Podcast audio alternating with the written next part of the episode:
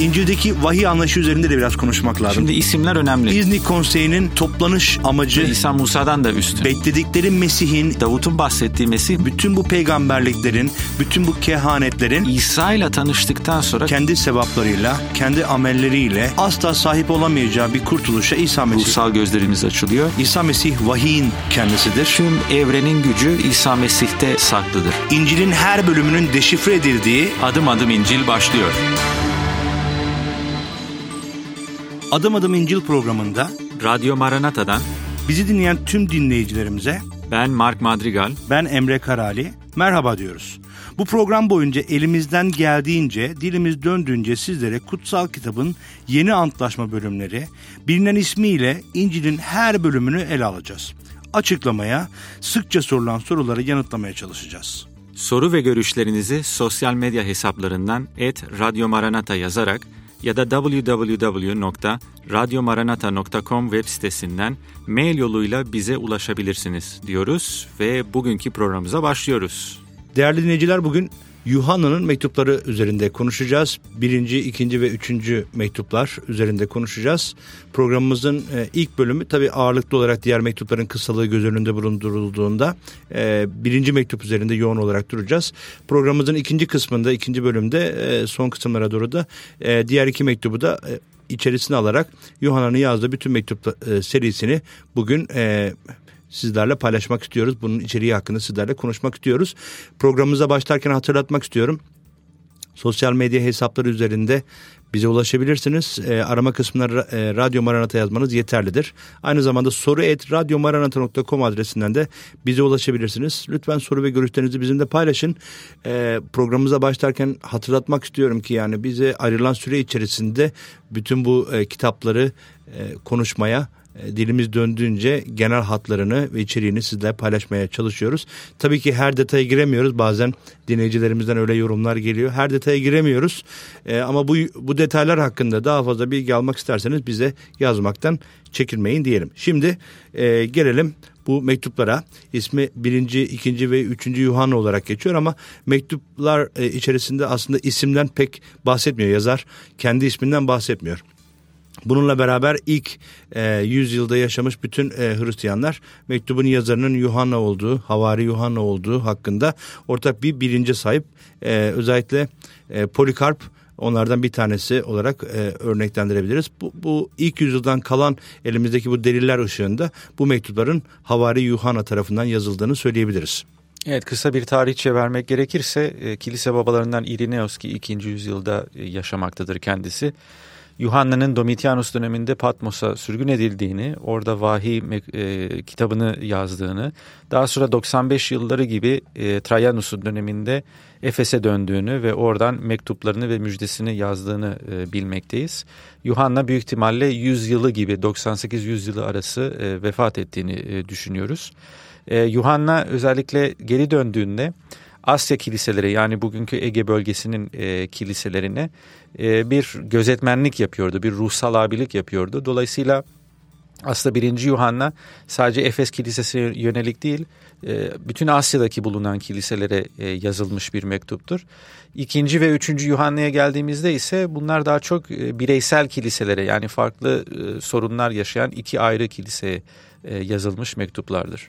Şimdi e, ismini bilmesek de yazar kendi ismisin, isminden bahsetmese de çok açık bir şekilde İsa'nın havarilerinden biri olduğunu görebiliyoruz. Çünkü özellikle 1. Yuhanna 1. bölüm 3. ayette açık bir dille e, gördüğümüzü ve işittiğimizi size duyuruyoruz e, şeklindeki ifadesi e, İsa'nın havarilerinden biri olduğu düşüncesini bizde uyandırıyor. E, ilk yüzyıl yazarlarından da aldığımız kaynak doğrultusunda.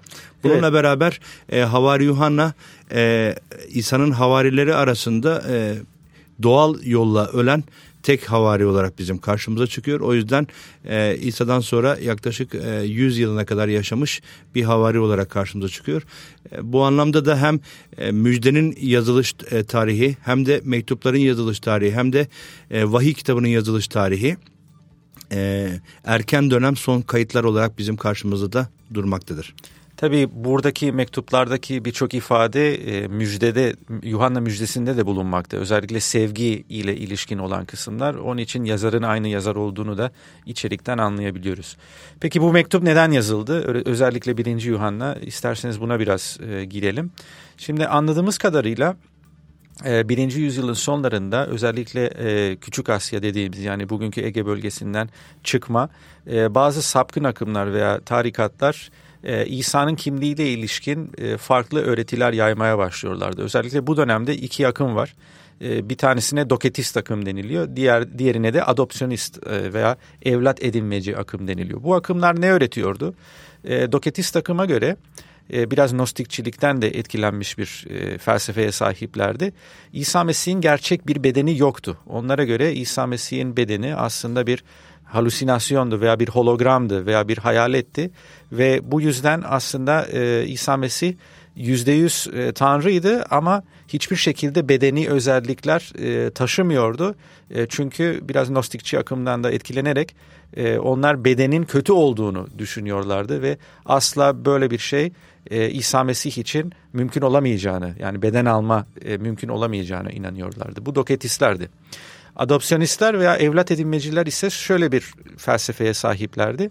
Onlar İsa'yı basit bir insan olarak görüyorlardı ama özellikle vaftiz esnasında Tanrı onu ziyaret ettiğini ve gittikçe ilahlaşarak ölüm ve dirilişiyle beraber bir tanrıya dönüştüğünü yani adopsiyonistler için aslında hayatın amacı birer tanrı olmaktı.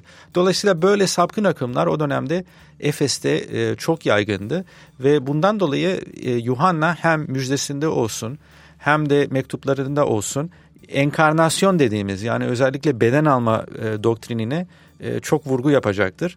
Özellikle ikinci bölümde e, bununla e, ilişkin e, cümleler var. Yani kim e, Mesih'in bedende gelmediğini iddia ediyorsa e, bilin ki bu Mesih karşıtı ruhtandır. Yani aslında İsa Mesih'le hiçbir e, alakası yoktur e, gibi e, çeşitli ayetler görmek mümkün. Şimdi e, mektup içerisinde bir karşılaştırma da görüyoruz. E, bu karşılaşma, karşılaştırmalar da ilginçtir. Sürekli e, Yuhanna buna atıfta bulunuyor. İşte şeytanın e, ruhu, e, İsa'nın ruhu mu ve şeytanın ruhu, e, karanlık ve aydınlık, e, gerçek ve yalan, e, doğruluk ve günah, e, babanın sevgisi mi yoksa e, dünya dünyaya duyulan sevgi mi gibi çeşitli e, kıyaslamalar yani tam bir liste şeklinde olmasa da yani e, mektup içerisinde yayılmış olarak karşımıza çıkıyor. Dolayısıyla Yuhanna e, bu kıyaslamalarla e, mektubun ana hatlarını da oluşturuyor bir anlamda. Evet bu da aslında e, mektubun diğer amacını bize veriyor. Yani mektubun yazıldığı kitle aslında onları üçe bölüyor. E, küçük çocuklar, gençler ve babalar. Bunlar kimi ima ediyor olabilir? Birçok yorumcuya göre e, küçük olanlar imanda yeni yeni adım atmaya başlayan yeni imanlardan bahsediyor. İmanda genç olanlar e, ise işte gençler olarak yani biraz İsa Mesih'i tecrübe etmiş, onunla beraber yürümüş e, kişiler ve e, babalar kastettiği ruhsal babalar yani yılların tecrübesini artık Rab'le beraber yürümenin yılların tecrübesini edinmiş kişiler.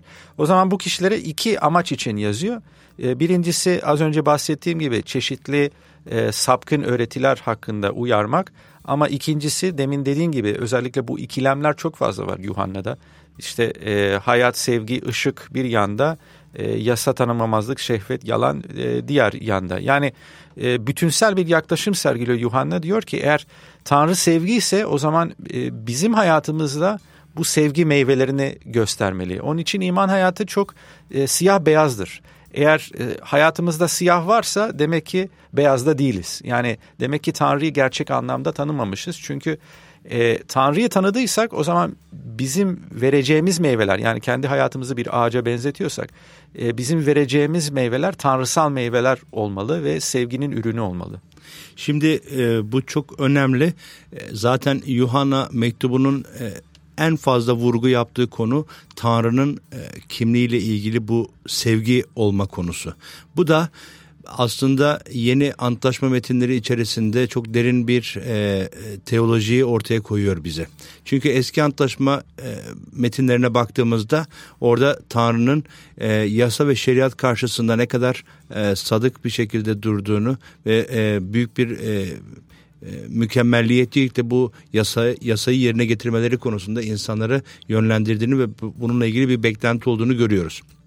Ve özellikle kurbanlar e, bir şekilde e, ibadetin temelini oluşturan yegane unsur olarak karşımıza çıkıyor eski antlaşmada. Dolayısıyla eğer bu yasanın dışına çıkıyorsa bir cezalandırma, Tanrı'nın gazabına uğrama durumu söz konusuyken Mesih İsa'nın çarmıhta ödediği kefaret aracılığıyla artık yeni bir dönem, yeni bir çağ e, başlıyor. Ve e, Yuhanna hem müjdesi içerisinde buna değiniyor hem vahiy bölümünde de buna atıfta bulunuyor ve işte şimdi okuduğumuz e, mektuplar üzerinde de bu temel noktayı koyuyor. Burada e, İsa'nın çarmıhta ödediği e, günahın kefareti aracılığıyla ya da e, peygamber Yahya'nın onun hakkındaki tanıklığı dünyanın günahını ortadan kaldıran Tanrı kuzusu olma e, vasfıyla beraber artık Tanrı ile bir barış ilişkisi ortaya çıkıyor. Tanrı ile barıştığımızda Tanrı'nın gazabından daha çok Tanrı'nın sevgisini de görebiliyoruz ve Yuhanna buna çok ciddi bir vurgu yapıyor ve bütün aslında uygulamaları, Mesih'teki bütün uygulamaları ve bütün ayırt etmeleri bu sevgi temeline oturtuyor diyebiliriz. Yani Yuhanna oldukça pratik biri. Yani biraz düşünecek olursak e, Tanrı kimdir sorusunu yanıtlayacak olursak o bize diyor ki Tanrı ışıktır, Tanrı sevgidir, Tanrı hayattır. Eğer biz ışık içinde dürüst bir hayat sürdürüyorsak, günahtan uzak, sevgi içinde bir hayat sürdürüyorsak, tanrısal hayat veya Tanrı'nın ruhu içimizde ise o zaman buradan Tanrı'nın çocukları olduğumuz anlaşılıyor. Ve Tanrı'nın sevgisinden beslendiğimiz anlaşılıyor. Ama e, içimizde şehvet varsa sürekli, sürekli yalan varsa, e, sürekli kural tanımamazlık varsa şimdi demiyorum ki hani bir imanlı hiçbir şekilde ayartılmıyor. O ayrı bir konu. Ama bu tutkuların altında yaşıyorsak ve e, bunlar hayatımıza yön veriyorsa o zaman bu ne demek oluyor? İçimizde olan şey dünya sevgisi. Aslında gerçek anlamda iman etmemişiz. Yani Yuhanna için yolun arası yok.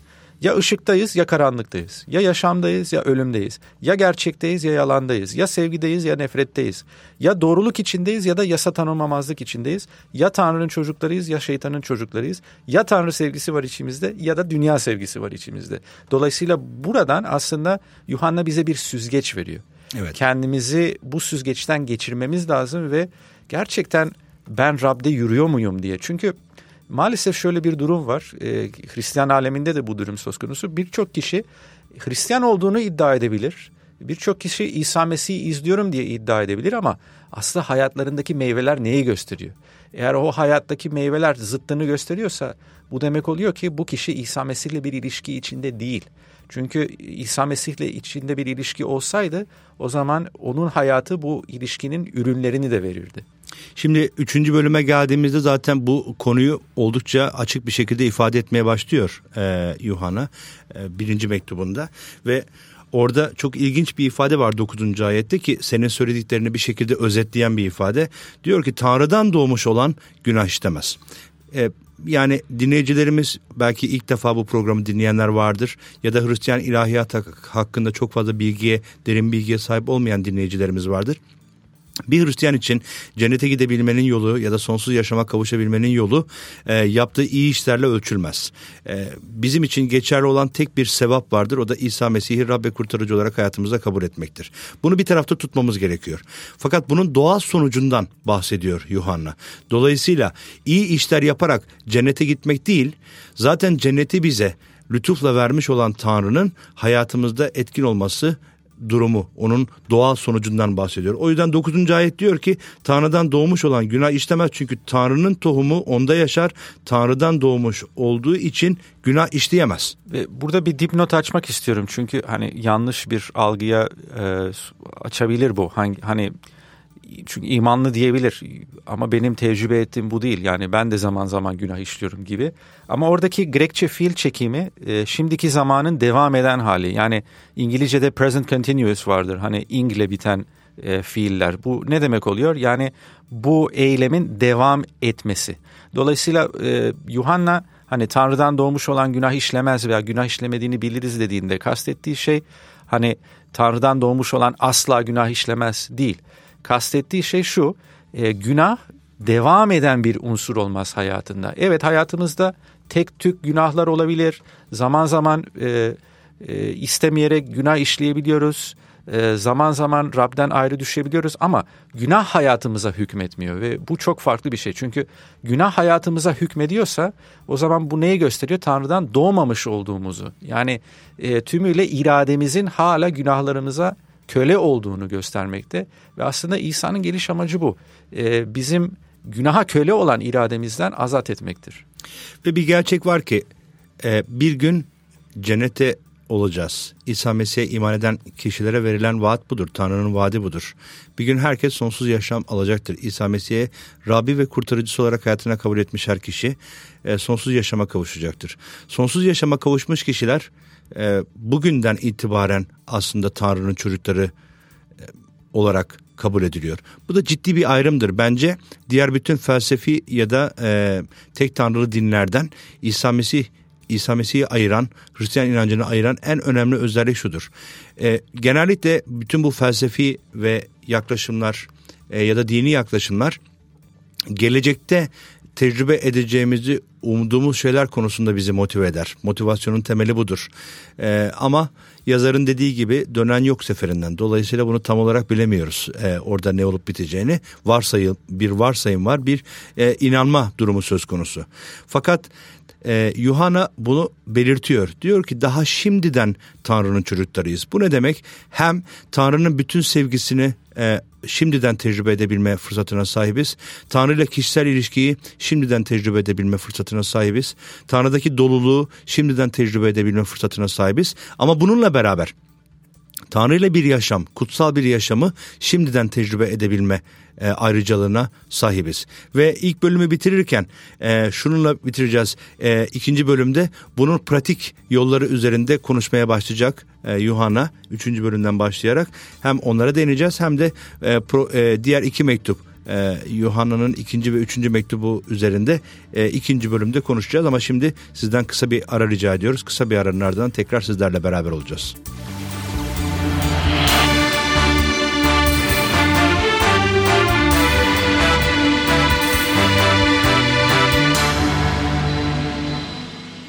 Sevgili dinleyiciler ikinci bölümde tekrar sizlerle beraberiz. Adım Adım İncil programında Radyo Maranata'da e, Yuhanna'nın mektupları üzerinde konuşuyoruz. Bugün birinci, ikinci ve üçüncü mektuplar üzerinde konuşacağız. E, ilk bölüm birinci mektuba ağırlık verdik. Çünkü zaten e, hem e, içerik açısından hem de e, detaylar açısından çok e, değerli bir mektup olarak karşımızdadır. İkinci bölüme başlarken hatırlatmak istiyorum.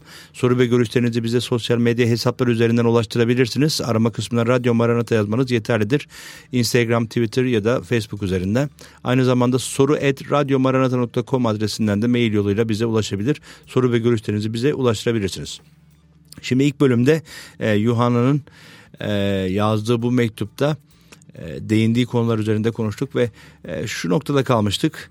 E, Tanrı'nın çocukları olmak noktasında kalmıştık. Tanrı'nın sevgisi üzerinde kalmıştık. Yuhanna Tanrı'nın çocukları olma tecrübesini ve Tanrı'nın sevgisini tatma tecrübesini daha bu dünyadayken sahip olabileceğimiz konusunda bizleri yönlendiriyordu. Ve bununla ilgili bir uygulama başlatıyor. Bunu nasıl uygulayabileceğimizi gösteren bir bir benzetme söz konusu.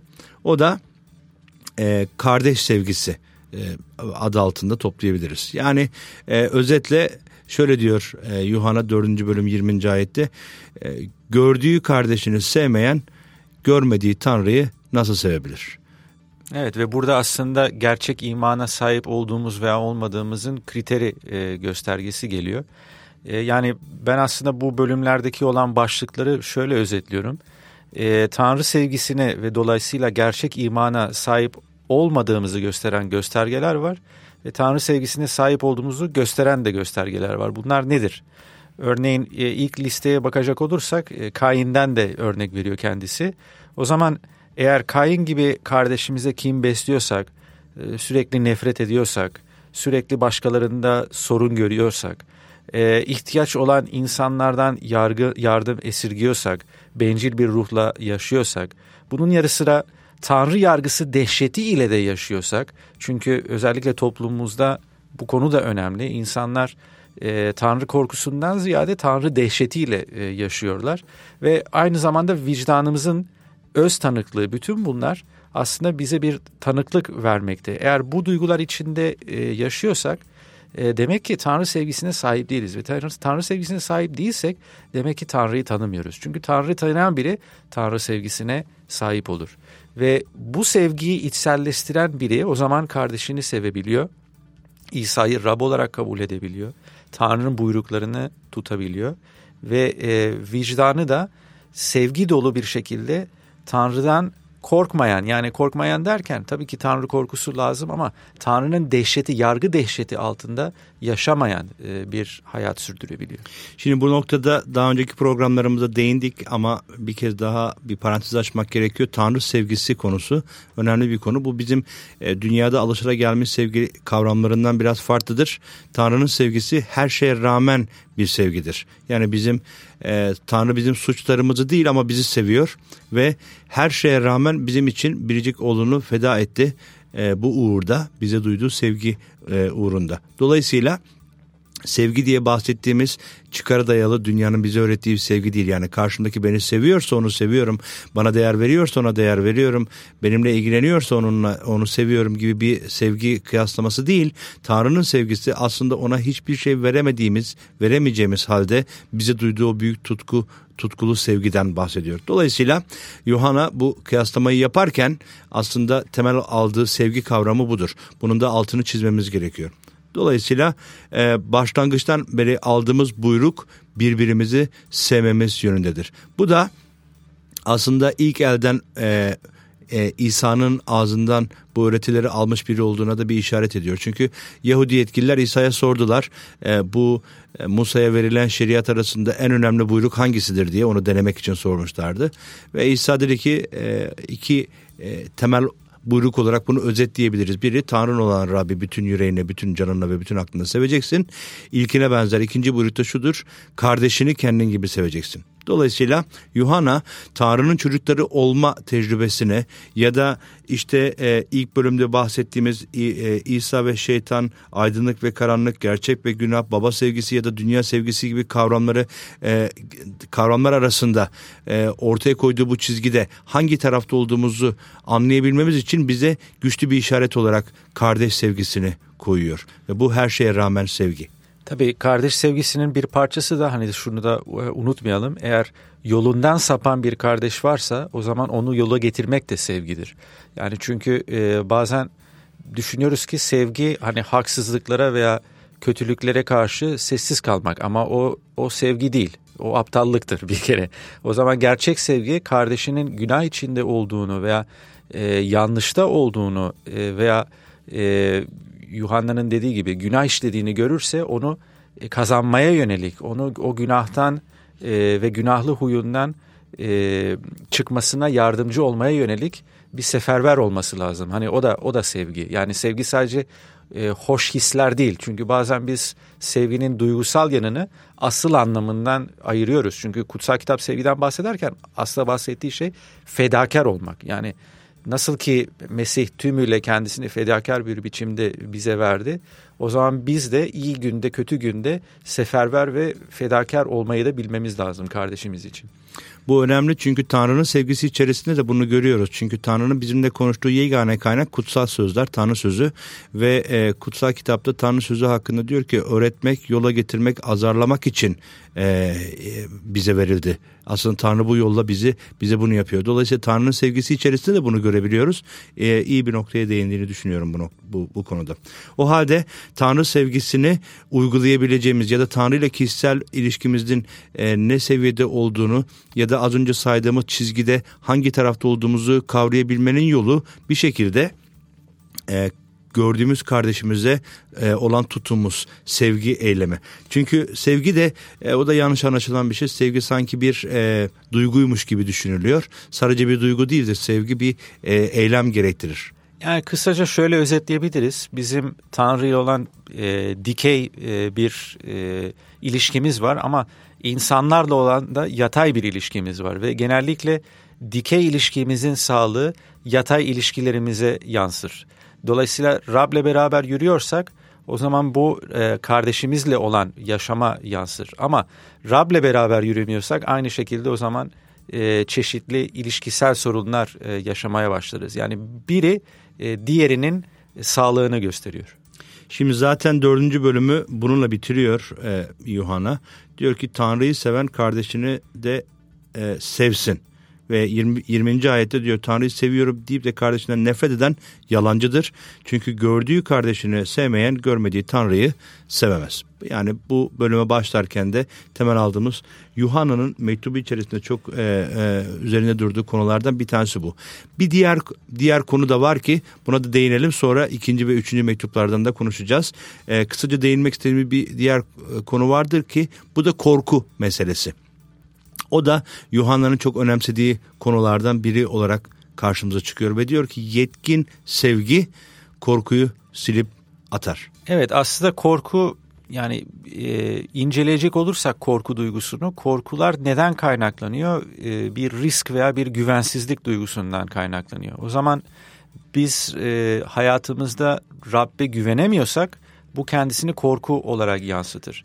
E, eğer biz Rabbe güvenebiliyorsak o zaman korku içinde yaşamayız. Çünkü biliriz ki işte hayatımızda çeşitli sıkıntılar da geçirsek e, Rab bir şekilde bunları e, kendi yüceliği için ve bizim iyiliğimiz için kullanacaktır. Dolayısıyla o korku duygusu aslında belki e, Tanrı ile olan ilişkimizdeki bir güvensizliğin belirtisi olabilir.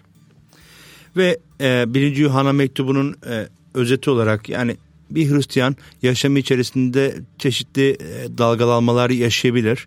Ama bütün bu dalgalanmaların içerisinde aslında e, hedefimiz her zaman o Mesih'in sevgisinde kalmak, e, günahtan uzak tutum sergilemek ve tarafımızı e, neresi olduğunu doğru bir şekilde kavrayarak doğru tarafta ilerleme gayretini hayatımızda göstermek olarak söyleyebiliriz. O halde birinci Yuhanna'yı da bu şekilde tamamlayalım eğer söylemek istediğim başka bir şey yoksa.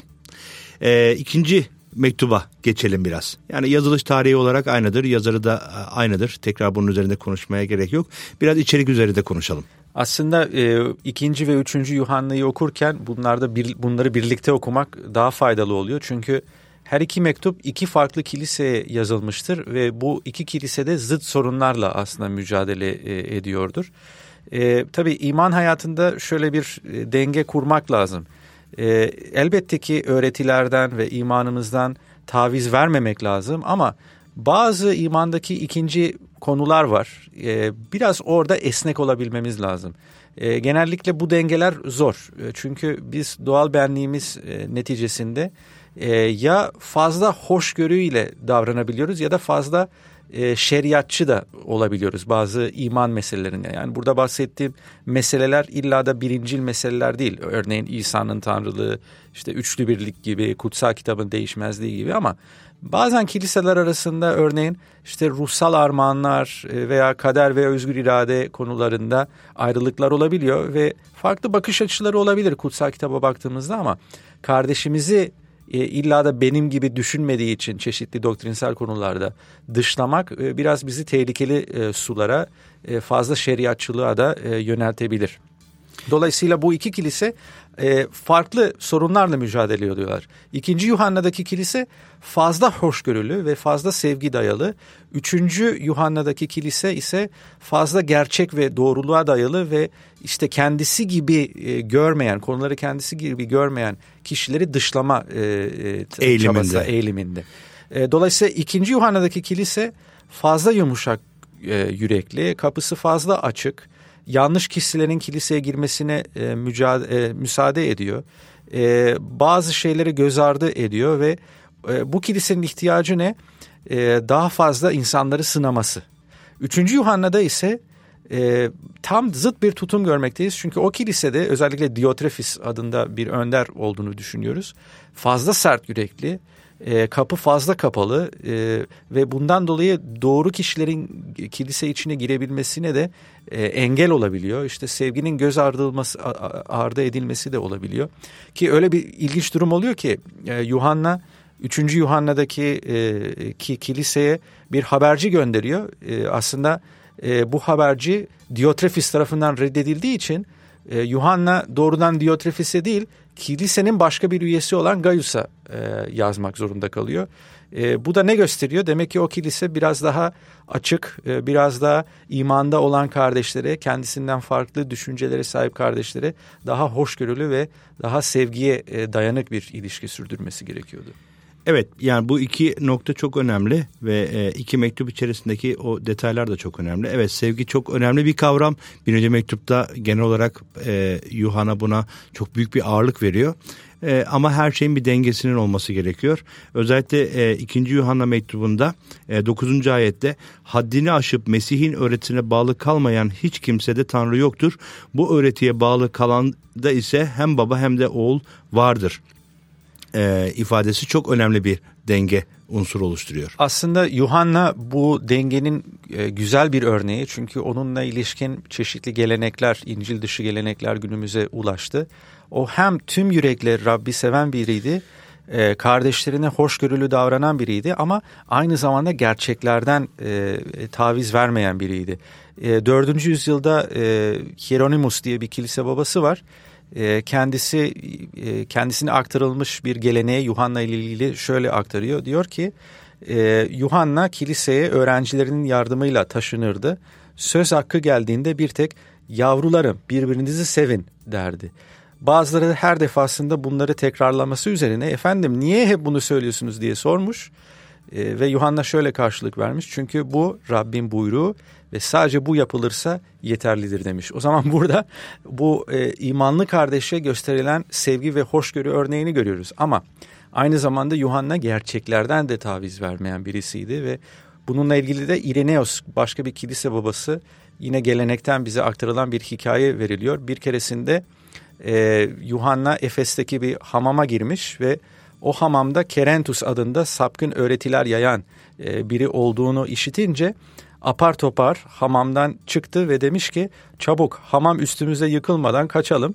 Çünkü gerçeğin düşmanı Kerentius içeride bulunuyor. Yani burada görüyoruz ki Yuhanna hem kardeş sevgisini hem gerçeği dengeli bir şekilde yaşıyordu. Tabii bunlar hassas dengelerdir ama imanlar için önemli e, dengelerdir. Ne e, kardeşimiz hakkında yargılayıcı olabiliriz. Onu gerçekten olduğu gibi sevmeliyiz. Bizimle farklı görüşlere sahip olmasına rağmen ama aynı zamanda e, temel gerçeklerden de taviz veremeyiz ve bu dengeli yaşamı sürdürüyorsak o zaman göreceğiz ki e, Tanrı bizi çok güzel şekillerde gündelik hayatımızda ve ilişkilerimizde kullanabilir. Şimdi Yuhanna zaten bu mektupların her ikisini çok kısa bir e, not olarak gönderiyor bir e, tabiri caizse ve her iki mektubun sonunda ortak bir şey görüyoruz. Diyor ki çok yazacak şey var aslında konuşulacak çok konu var bu iki konuda da ama e, bunları mürekkeple e, yazıyla değil kalemle yazmak istemiyorum yanınıza gelmek istiyorum. Demek ki e, çok ciddiye aldığı iki temel konu yani hem sevgi hakkında bu kadar titiz e, ve öncelikli bir e, mektup yaz, yazan Yuhanna hem de Mesih'in sevdiği öğrenci olarak sürekli e, tanımlanan bir, e, bir kardeşin aynı zamanda Mesih'in öğretisine ne kadar sadık bir şekilde e, tutunduğunu görmek e, bizler için bugün de e, o günkü kilise kadar büyük bir örnek teşkil ediyor diyelim. O halde e, bu son cümlelerle bu üç mektubu tamamlamış olalım. Bugün e, Yuhanna'nın birinci, ikinci ve üçüncü mektubu üzerinde genel bir e, yorum sizlerle paylaştık. E, programımıza katıldığınız için, bize eşlik ettiğiniz için teşekkür etmek istiyoruz. E, programımızı tamamlarken hatırlatmak istiyorum. Soru ve görüşlerinizi bizimle paylaşabilirsiniz. Sosyal medya hesaplarında arama kısmına Radyo Maranata yazmanız yeterlidir. Aynı zamanda soru et radyomaranata.com adresinden de bize ulaşabilirsiniz diyelim.